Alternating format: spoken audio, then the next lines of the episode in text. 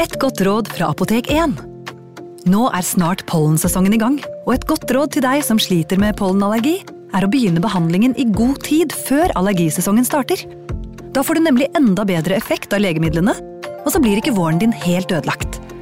Kom innom og få råd på ditt nærmeste Apotek 1, eller chat med oss på apotek1.no. Apotek 1 vår kunnskap, din trygghet.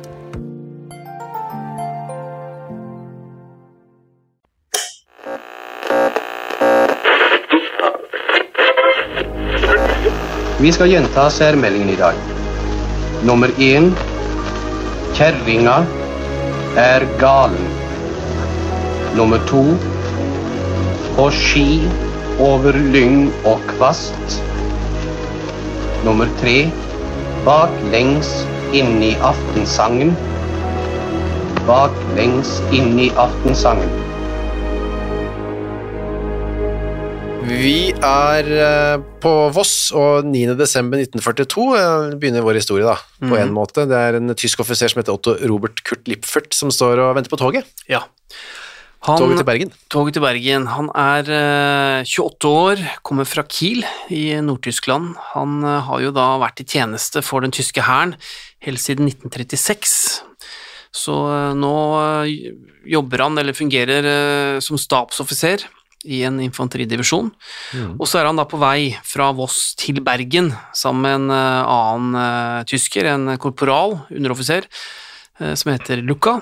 Og i Bergen skal de hente varer og, og forsyninger til en, en, eh, en liten butikk da, som ligger inne uh, i den tyske forlegningen, der de er stasjonert eh, i, på Voss. Markedshenteri, det er Ja. ord som jeg har sett Det er ikke så kjent, men det er sånn en slags butikk som er, drives for inni militærleirer. Ja, det, det er ehm, det er en, en, en slags eh, feltbutikk, nærmest, Ja. som, eh, som da man kan eh, Altså, soldatene kan handle eh, Tobakk og tobakk og godteri og matvarer og, og det de måtte trenge, og så, men den er da innafor et militært område, så man i og for seg ikke må ut i, i, i, blant de sivile for å, for å kjøpe det man trenger. Så dette er egentlig en ganske Dette er jo en veldig rutineoppdrag. De skal bare ta toget til Bergen, hente greier og dra tilbake igjen. Ja, så de er jo i og for seg bare ute for å, for å, for å hente forsyninger og, og komme seg tilbake til, eh, til, til leiren igjen. Men så kommer det en uh, liten ekstraoppgave som de må ta på seg, som gjør litt uh,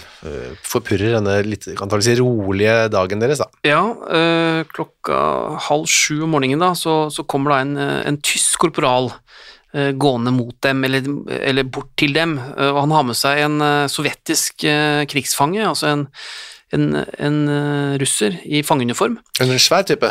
Ja, han er en svær, kraftig øh, kar, og denne fangen kommer fra Tvildemoen fangeleir, og så får øh, da mm, denne underoffiser Lipfert beskjed om å ta med seg fangen til Bergen og få han overlevert til det tyske sikkerhetspolitiet der. Og denne fangen, han er 26 år. Han heter Aleksandr Pavlovitsj Savtsjenko og har fangenummer fangenummer 103498. Og så blir jo i og for seg Lippfurt da, og, og denne eh, korporalen han har med seg, denne Luka, de blir enige om at de kan ta med seg denne, denne sovjetiske fangen. da. Mm. Men det blir litt sånn rot for dem, for de greier ikke å få plass på det militære transporttoget. Så de må faktisk da ta et sivilt tog som skal gå seinere, så de blir stående og vente litt lenger enn de hadde tenkt, og så er jo i og for seg toget de nå tar, ikke et, ikke et militært bevokta transporttog, men et, et sivilt uh, tog. Masse sivile nordmenn, da, får vi tro. Ja, Uh, og det er stappfullt, det toget. Altså det er faktisk overfylt, men uh, som tyske offiserer så får du da sitteplasser inne i, inne i kupeen, og Fangen også. fangen også, og, og de setter seg det der. der. Og så drar jo toget etter hvert, og litt uklart nøyaktig når, men en gang mellom null, ja, halv åtte og åtte, eller kvart på åtte kanskje, så, så går toget av gårde.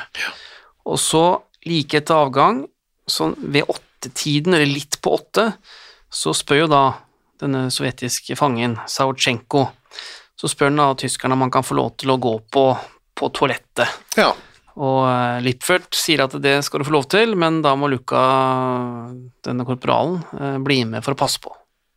Ja, og det kan, Vi kan jo bare gjette hva som skjer her nå. De som har sett en film før, vil vel kanskje begynne å gjette allerede nå? Ja da, det som skjer er jo da at Lipfert eh, sitter fortsatt det, i, i sitt, og så kommer etter hvert eh, korporal Luca og sier at eh, Eller han kommer ikke, han kommer løpende. Ja.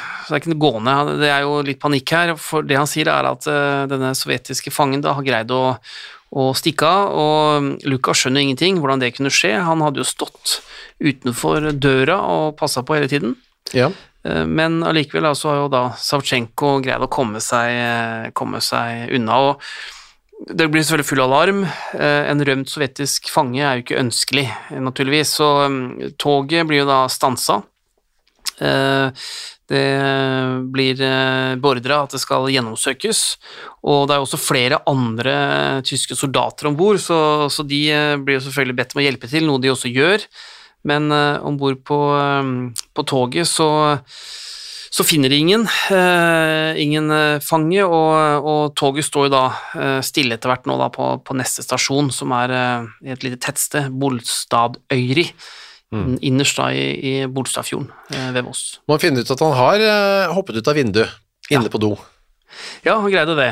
Og, um, og altså det skjer ved at de da går eh, etter hvert tilbake langs eh, jernbanelinja. De varsler politiet også. Eh, det går ut melding til samtlige jernbanestasjoner i området, men eh, det er jo ikke så i og for seg lett å, eh, å, å søke såpass stort område. Så eh, de eh, holder på å leite fram til klokka halv to men, eh, men finner jo ingen, ingen Savtsjenko, altså ingen, ingen sovjetisk eh, fange. Og etter hvert da i rapporten så står det også at de er ganske sikre på at uh, Savtsjenko han, han uh, greide å hoppe ut av vinduet i dette toalettet idet toget befant seg inni en av uh, tunnelene. Eh, sannsynligvis i nærheten da av et sted som het Hjørnevik stasjon, som ligger like ved, eller mellom Bulken og Evanger. Og Der hadde han greid å hoppe ut rett og slett inne i tunnelen, så det er jo livsfarlig, men eh, de finner ikke noe lik, Nei. eh, så sannsynligvis så har han da kommet seg av gårde. Dette var jo en eh, kraftig ripe i lakken for Lipfert, da. Ja, Lipfert han sliter jo, for han hadde ansvaret, så han blir faktisk stilt for en sånn feltkrigsrett Ja. Eh, i 269. infanteridivisjon, og han får en fengselsstraff på åtte uker. Så um, eh, Det var ganske strengt. Ja, det var en ganske streng eh, dom, og, og um, eh, han uh, måtte sone tre av ukene i og for seg umiddelbart, og så er det de neste fem, altså de resterende fem ukene skal han da måtte sone etter at krigen en gang er slutt. Og så får jo denne dommen faktisk en sånn foreldelsesfrist på 15 år, så det som står i papirene er at hvis krigen varer frem til 30. desember 1957, så kom Lippfert til å slippe å sone siste del av, av dommen. Så heldig var han ikke. Nei. Okay. Um, ja, Savchenko, man finner ut av hvem dette er. Vi vet i hvert fall litt om han nå. Ja, altså han, eh, han kom jo da fra en by som heter Kazan, som ligger da ved elven eh, Volga. Eh, I og for seg en ganske stor by, ikke så langt unna Uralfjellene. Eh, ja, 80 mil omtrent øst for Moskva. Ja. Og før han gikk inn i krigstjeneste, så hadde han eh, jobba som snekker på en ganske svær fabrikk. Men så ble han eh, etter hvert innkalt da, til, eh, til, eh, til det militære, og, og havnet da i, i den sovjetiske hæren. Men det sies at han tok ofte på fridagene fergeturer på Volga, hvor han kunne få billig vodka og møte trivelige kvinner. Ja, han virker som en gladgutt. Han var ugift, da, men, men i rapportene så står det at han på fridagene sine var glad i å ta seg både en, en vodkafest og, ja, og treffe trivelige kvinner om bord på disse fergene. da. De trivelige kvinner i anførselstegn, betyr det at de har jobbet med å være trivelige, si, eller var, det, var, var de bare vanlige trivelige? Vet du, kan du gjette deg til det? Kanskje en blanding. Blandingen. Ja. Det var litt sånn danskebåten-aktig det da, kanskje? Vi vet ikke. Nei, jeg vet ikke. Man ble i hvert fall tatt til fange ved Leningrad. Ja, han eh, ble sendt da i tjeneste, havnet eh, rundt Leningrad et eller annet sted. Dette var jo i, eh, i eh, 1942 en eh, skyttergravskrig. Mm. Så eh, han var der, men ble tatt til fange av tyske styrker.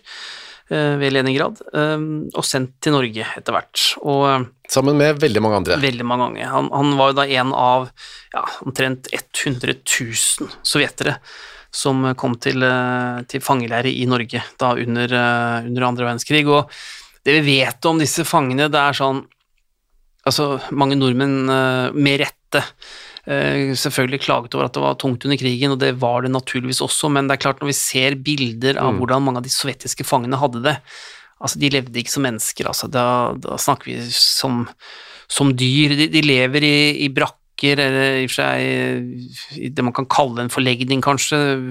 Høye gjerder, minefelt, vanngrave, sperringer, væpnede vakter, og veldig mange døde jo under, eh, under fangeoppholdet, men de ble også satt til å gjøre tvangsarbeid. Og da snakker vi ikke om eh, å sy puter. Eh, det var tungt anleggsarbeid. Bygge veier og så videre. Ja, og 13 000 sovjetere døde i Norge av rett og slett utmattelse. Det er vel en del veier og uh, jernbanelinjer sånn som vi fremdeles bruker, som er Ja. bygget av uh, Det, sovjetiske fanger. det, det er det. Og de døde jo da som sagt av utmattelse, sykdommer, mishandling eller ble drept under, under fluktforsøk. Så, så de hadde det ekstremt uh, tøft og vanskelig under, uh, under oppholdene uh, oppe i Nord- Nord-Norge. Og vi, vi snakker ikke om brakker med innlagt strøm og varme, Nei. så man kan selv tenke seg sant, at det var Det var ikke så rart at Aleksandr Paulovic Savchenko hadde lyst til å rømme, og det fikk han altså til. Ja, dette er en vellykket rømming, da. Og han kom så etter hvert opp i, opp i fjellene, og, um, og Der skulle han leve. Ja, i hvert fall det han begynte med, eller forsøkte til å begynne med. Han, han, Ja, helt altså, alene, altså. han var helt, helt alene. Kan ikke noe språk som noen der kan snakke. Nei, men han greier etter hvert å ta seg inn i noen sånne støler og hytter og noen seter og sånn. Og etter hvert så møter han også noen folk, og han, han får jo i og for seg mat. Altså det å hjelpe flyktninger var jo i og for seg Det kunne gi dødsstraff, Ja. men, men øh, Og i alle fall sovjetiske krigsfanger, men, men han fikk jo øh, Fikk jo da hjelp. Øh, og etter hvert så blir han jo øh, Det er jo bare nevne det, det er jo desember, det er Ja. uh, midt på vinteren. Det er midt på vinteren. på fjellet, det er, Opp på og han har en sånn fangedrakt på seg, så det er jo ganske harde kår.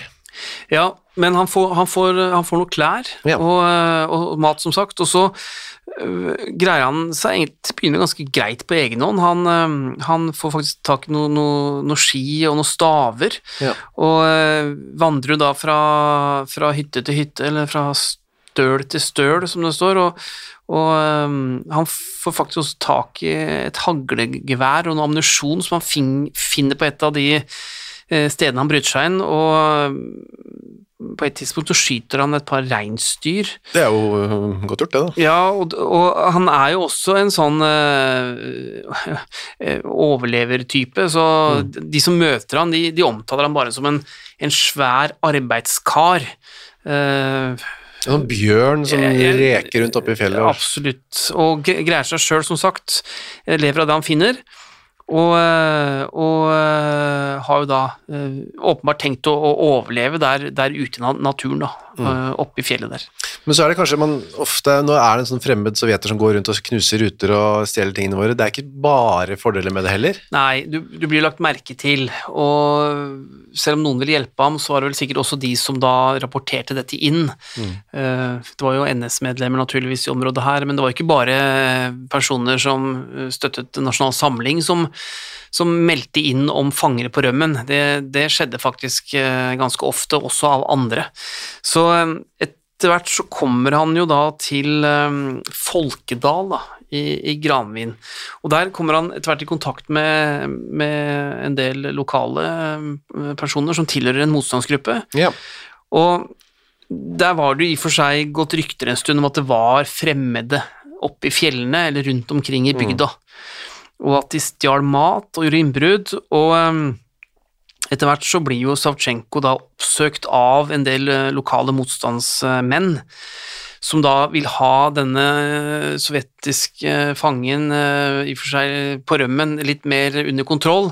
Fordi hvis han fortsatte å herje rundt oppe i fjellene og bryte seg inn og stjele mat og greier, så, så ville jo snart det komme rykter inntil eh, tyske styrker i nærheten, som da ville komme på en razzia eller en aksjon eller hva som helst.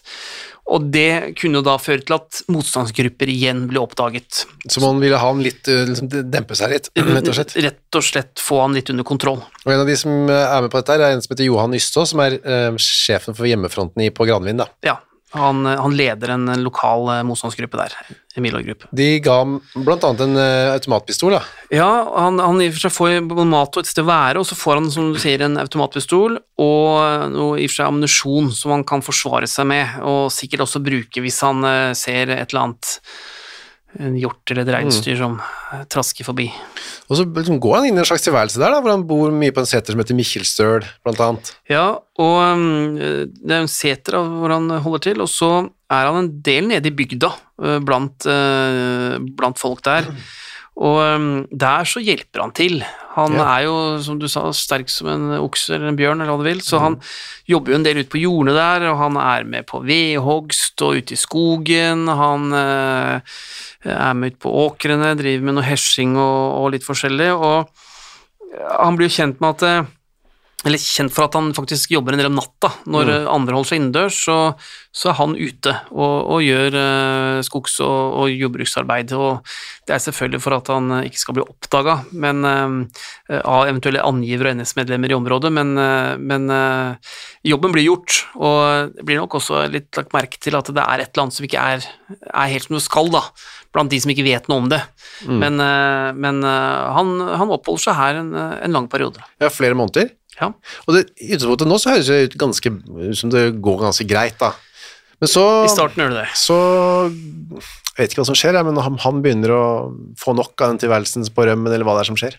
Ja, noe, noe er det iallfall, fordi um, etter hvert så begynner Savtsjenko å vise tegn på at han ikke har det sånn veldig sånn helt greit, da. Han, eh, han, han kommer stadig oftere ned da, til, til gården da nede i Folkedal, hvor han eh, i og for seg eh, får lov til å være og jobbe og, og få mat og sånn, men etter hvert så kommer han oftere ned dit. Han, eh, han fremstår som, som sint og aggressiv Ja. og han skremmer folk, og særlig kona på gården her nede, hun, hun, blir, hun blir redd.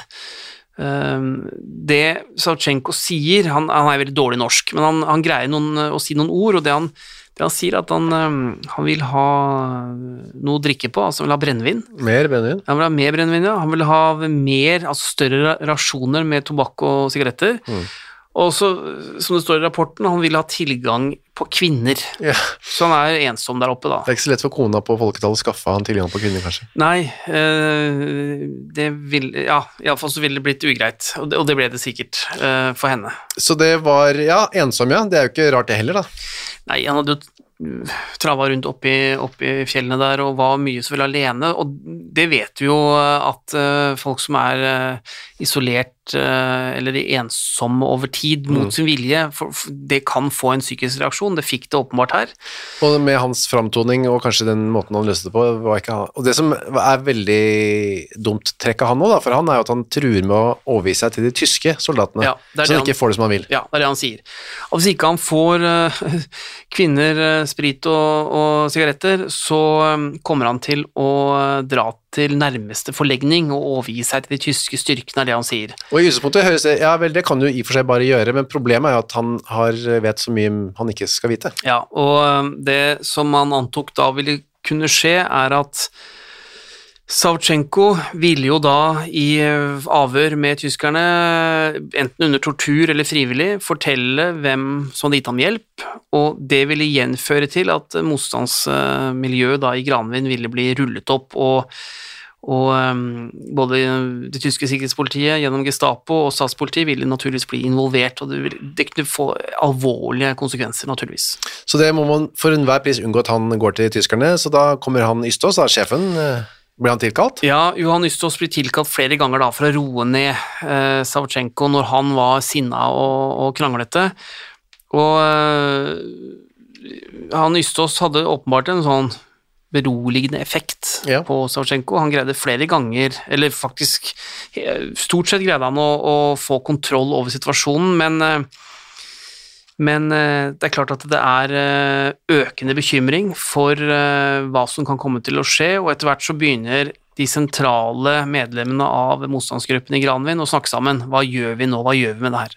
En mulighet er å få en lege til å legge han inn på et eh, sykehus, eller et institu en institusjon av noe slag, da. Ja, men den muligheten ble, ble raskt lagt bort, for det er klart at det, legger du inn en eh, litt sånn sinnsforvirra sovjetisk fange på et sykehus, så er det spørsmål om tid før det blir kjent på en Ja. eller annen måte. Så den ble nok lagt bort ganske raskt. En annen mulighet var å passe på han, rett og slett. Ja, øh, altså man vurderte da såkalt husarrest oppå fjellet et sted, da. Mm. Men det er klart, hvis du skal plassere han der, så må han jo passes på. Ja, flere enn én. Ja, og det må gå en skiftordning, og det vil sette mange øh, ressurser i og for seg øh, Altså låse opp de ressursene som gjør at de personene som ikke Eller som måtte være der, ikke kunne utføre andre ting, eller være hos familiene sine, eller, eller gjøre annet motstandsarbeid. Så den ble også lagt bort fordi, øh, fordi det ble, ble for vanskelig å opprettholde over tid. Ja, så nå var de litt sånn i beita for hva de skulle finne på, rett og slett. Ja, altså, de har da en stor, sterk og kraftig sovjetisk fange, litt ute av kontroll, og som du sier, eh, og som de stilte seg følgende spørsmål, hva gjør vi med det? Og så eskalerer det jo da når han eh, nede på Folkedal begynner å skyte rundt seg, eller jeg vet ikke om han skyter på noen, eller hva det er som skjer der. Ja, et, ja for det, det, det oppstod da en situasjon der hvor, eh, hvor Savchenko i og for seg skyter mot familien da, på den gården han, han pleier å gå til, og, og eh, kona på gården, hun får da varslet av Johan Ystås, som, eh, som eh, kommer dit. Da har, i det han kommer, så har Savchenko forlatt gården, men Johan Ystås han, han møter ham da på, på gårdsveien et stykke unna, og spør i for seg hva som skjer, hva, har, har du virkelig skutt? Og da får han til svar at nå har jeg, altså Savchenko, bestemt meg for å, å eh, at nå er det nok, nå går jeg og melder meg Ja. til nærmeste tyske forlegning. Nå er, nå, nå, nå, er, er alt over. Og det er Eisås meget uinteressert i at han skal gjøre. Ja, og, um, og Ystos sier jo at du må ikke finne på å gjøre det.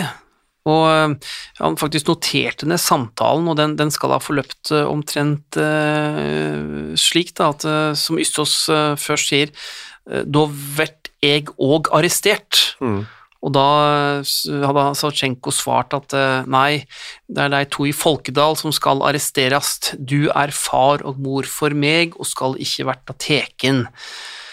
Og så greier da Ystås enda en gang å overtale Aleksandr Perlovic Savchenko til å dra opp i fjellet for å, for å, for å roe seg ned. Og det, det gjør han eh, enda en gang, altså opp til denne Mikkjelstøl, og, og der blir han.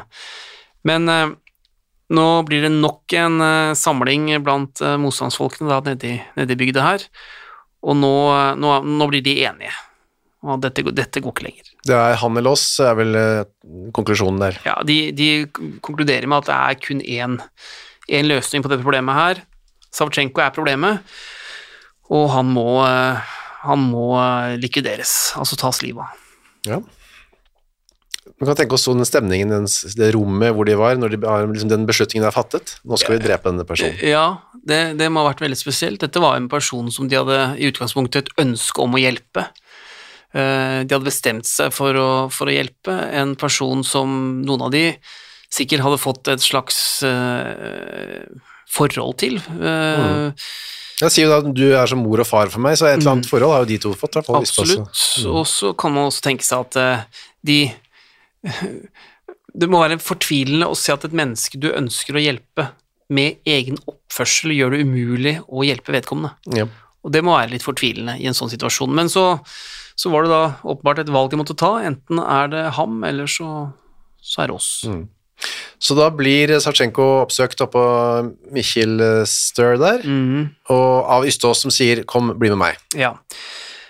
Det, det er da Johan Ystås som i seg for får jobben, og han, han drar da opp til Savchenko, sier til ham at det er en undervannsbåt som kommer inn i fjorden her eh, litt seinere på dagen. Eh, så eh, du, du, du blir henta. Av engelskmenn, da. Ja, det, det som står i rapporten er at uh, Savtsjenko blir fortalt at han skal få komme til Storbritannia, Og, og, forlate Norge og, og få, få være i trygghet der. Det står ikke noe om om han ble lovt uh, brennevin og sigaretter og damer der, men uh, han vil iallfall vekk. Alt det finnes jo i England. ja, iallfall bedre tilgang på Ja. enn i Norge. Og, og øh, får beskjed om at han skal, skal over dit og, og bli med frivillig. Går ned til fjorden hvor det ligger en eh, robot, da. Ja, de ror ut av Granvinfjorden. Det er, en- det er en sidefjord til, til Hardangerfjorden. Ja. Og de, de, de ror litt begge to, um, og på et tidspunkt der, iallfall ifølge Johan Ystås, så, så bytter de plass uh, f- for å, å, at, de, at de begge skal ro, da.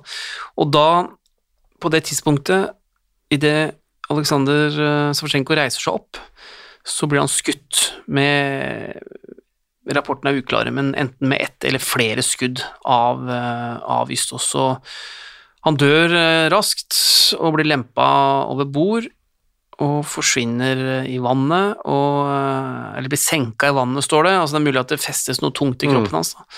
Og det liket blir aldri funnet. Nei, så han ligger der i prinsippet fremdeles. Ja, men også denne er jo litt en sånn typisk sånn uh, historie som har utvikla seg litt i ulike retninger. Um, en, en annen versjon her, som, som noen lokalhistorikere har, eh, har skrevet om, da, og uh, forteller på en litt annen måte, er at uh, Savtsjenko blir, blir uh, skutt opp på fjellet ja. av Johan Ystås, og at liket er gravlagt der. Den versjonen kan i og for seg også stemme, fordi der ville et skudd ikke bli oppdaget på samme måte som om det skjedde ut på fjorden, i, i, i, hvor det er åpent, og, og lyden av et skudd eh, kan høres bedre. Eh, Hva som er riktig, det, det får vi aldri vite. Altså, Johan Ystås han døde i, i 1981. Eh, Han holdt fast på den første versjonen. Den andre versjonen har i og for seg kommet opp uh, nå i nyere tid. Så, Det, så det er rart at det er forskjellige, forskjellige historier Det er liksom ikke en av de Ingen kommer noe bedre eller dårligere ut på en måte av noen av dem. Nei, og Sammen med vi hadde med han eh, Jensen i Skien òg. Ja. Nei, og hvorfor de spriker, eh, det, det, er, det, er, det er uvisst. Og, og, um, men, men det viktigste er, er at her vet vi hvem som ble drept, at liket aldri er blitt funnet, og vi vet også hvem som, som utførte uh, den Ja, for det er det ikke noe uenighet om. Nei, det er klart her. Det som ble etter krigen, at man, det, denne historien skulle man holde hemmelig for sovjeterne. Ja, for dette var jo spesielt, for her var en sovjetisk borger, faktisk en, en, en, en soldat, da, en krigsfange, som var blitt likvidert av den norske motstandsbevegelsen, så, så dette fikk et etterspill uh, i Norge, altså etter frigjøringen, og i en rapport fra 12. april 1946, så eh, skriver da eh, en, eh, en Så skriver da en ansatt i Utenriksdepartementet i en rapport som oversendes Justisdepartementet, om at disse opplysningene skal arkiveres og, og aldri offentliggjøres. Og årsaken er selvfølgelig at sovjetiske myndigheter som da i 1946 allerede hadde i og for seg en form for eh, påvirkningskraft overfor Norge, aldri måtte få kjennskap til, eh, til, eh, til at en sovjetisk statsborger hadde blitt likvidert av den norske motstandsbevegelsen. Er dette første gang de hører om det, hvis de hører på denne podkasten?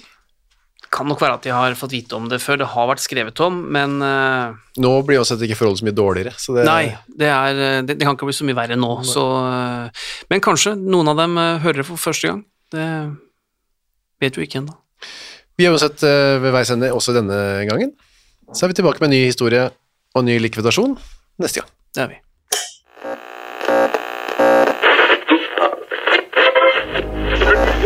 Vi skal gjenta særmeldingen i dag. Nummer én Kjerringa er galen. Nummer to På ski over lyng og kvast. Nummer tre Baklengs inn i aftensangen. Baklengs inn i aftensangen.